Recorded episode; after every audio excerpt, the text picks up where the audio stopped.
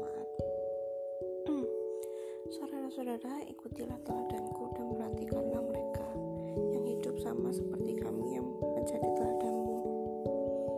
Karena seperti yang telah kerap kali aku katakan kepadamu, dan yang kunyatakan pula sekarang sambil menangis. Banyak orang yang hidup sebagai seteru salib Kristus. Kusada mereka adalah kebinasaan. Tuhan mereka ialah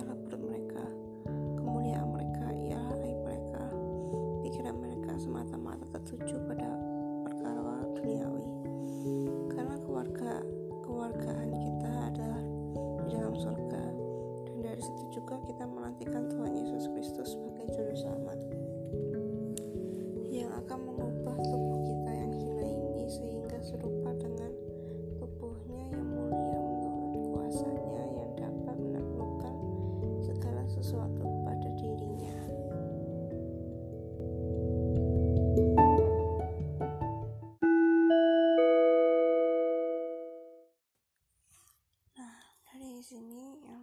bisa dipelajari adalah um, ya kita harus mempunyai teladan yang benar ya dalam hidup kita. Sudah jelas banget kalau cara hidup kita dengan uh, dunia beda banget ya. Mungkin memang di dunia ini ada orang-orang yang aku tanda kutip baik ya. Ya sebenarnya di dunia ini kalau menurut Alkitab ya udah nggak ada yang baik lagi kita semua sudah kehilangan kemuliaan Allah ya um, tapi kita harus memiliki tetap memiliki teladan ya. Ya itulah mengapa kita disebutnya murid. Murid adalah seseorang yang mau belajar dari gurunya. Guru kita siapa? Teladan kita siapa? Guru kita adalah Yesus Kristus itu sendiri. Ya mungkin sebenarnya guru dan teladan itu berbeda ya. Guru adalah yang mengajar dan teladan adalah contoh kita.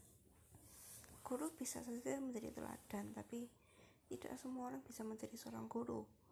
Nah, teladan kita bisa lebih dari satu juga. Mungkin uh, ada baiknya juga ya kita memiliki teladan yang lebih dari satu. Tapi tidak ada salahnya kalau kamu cuma pingin Yesus sebagai guru dan teladanmu nggak apa-apa. Cuman um, ada banyak tokoh lainnya di Alkitab yang juga bagus ya aku lebih menyarankan kita memilih teladan dari Alkitab saja karena yang mereka yang dipilih oleh Tuhan untuk bisa hadir dalam Alkitab gitu. Dan menjadi contoh buat kita. Entah itu contoh dalam hal baik atau hal buruk. Kalau hal buruk artinya ya jangan lakukan ini.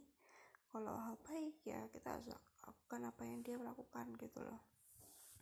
Contohnya um, yang paling gampang Paulus. Paulus ya dulunya ada penganiaya penganiaya jemaat. Kemudian seorang Hebrew yaitu orang Ibrani ya orang Farisi yang benar-benar taat kepada hukum Taurat basically every mainstream. Tapi dia meninggalkan semuanya. Setelah kejadian di padang gurun kok nggak salah aku lupa di mana dia dibutakan oleh Tuhan. Dan kok nggak salah tiga hari kemudian dia dikembalikan penglihatannya dan akhirnya dia datang ke salah satu nabi kalau nggak salah aku lupa namanya. Dan akhirnya dia menjadi uh, murid Yesus. Dan kemudian dia menjadi seorang rasul. Nah itu kehidupannya bisa dicontoh ya. Nggak cuma sebelum dia menjadi murid tapi setelah dia juga menjadi rasul ya. Dia mengalami berbagai macam pencobaan ya. Dia hampir mati juga. Dia dipenjara berkali-kali karena nama Yesus. Tapi dia tetap mau menyebarkan Injil karena dia tahu betapa bagusnya Injil itu dan harus disebarkan itulah teladan ya seseorang yang patut kita contoh seseorang yang patut menjadi um, apa ya kita hidup berdasarkan dia gitu. Tapi seorang guru itu berbeda ya. Guru kita tetaplah Yesus. Kepala dari jemaat tetaplah Yesus. Teladan hanyalah semata seorang yang kita kagumi dan kita contoh gitu ya. Gitu nah cara hidup kita dengan dunia berbeda jauh. Kita memuaskan hati Tuhan sementara dunia memuaskan perut mereka sendiri. Perut mereka sendiri maksudnya keinginan mereka sendiri keegoisan mereka sendiri. Manusia diciptakan untuk menjadi egois ya. Um, semacam sinful habit dari masing-masing diri kita. Memang nggak semua cuman mostly ya egois ya justru mungkin um, low self esteem ya. Um, kepercayaan diri yang rendah atau pokoknya macam-macam lah minder gitu ya. Tapi sebagian dari kita adalah egois ya kita cenderung untuk memuaskan keinginan kita sendiri daripada keinginan orang lain atau apalagi Tuhan nah itulah yang kita berusaha lawan di sini ya. Kita masing-masing pasti punya keegoisan kita masing-masing. Ya egois itu datang dalam berbagai macam bentuk. Ya.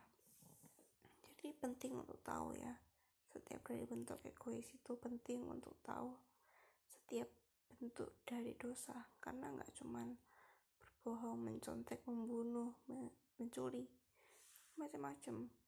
Bahkan hanya dengan pikiran saja kamu sudah berdosa. Ya, maka dari itu kita harus belajar mengontrol pikiran kita, mulut kita, ya, sikap kita, macam-macam. Memang hidup itu sebagai murid memang agak ribet tapi lebih baik daripada kita hidup memuaskan diri kita sendiri yang of course gak bakal pernah puas ya manusia itu gak bakal ada habis-habisnya meminta hal ya tapi Tuhan Tuhan tuh bakal dengan satu result. Aku rasa Tuhan aja sudah puas kalau kita sudah berusaha gitu. Tapi Tuhan hanya minta kita nggak lakukan satu hal. Itu dosa. Ya mungkin ngomongnya susah nggak mungkin gitu ya. Tapi Tuhan sendiri sudah pernah menjalani hidupnya sebagai seorang manusia sama seperti kita ya mungkin kalian mikir ah dia kan Tuhan dia bisa melakukan semuanya. Ya mungkin aja memang kamu benar dia Tuhan dia harus menjadi contoh. Tetapi Tuhan mengalami pencobaan yang sama dengan kita yaitu menjadi seorang manusia. Dan benar-benar 100% manusia loh.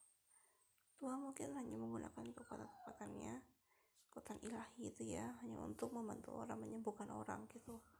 Tidak pernah untuk untuk kepentingan dirinya sendiri ya kan berarti dia benar-benar berusaha menjadi 100% manusia.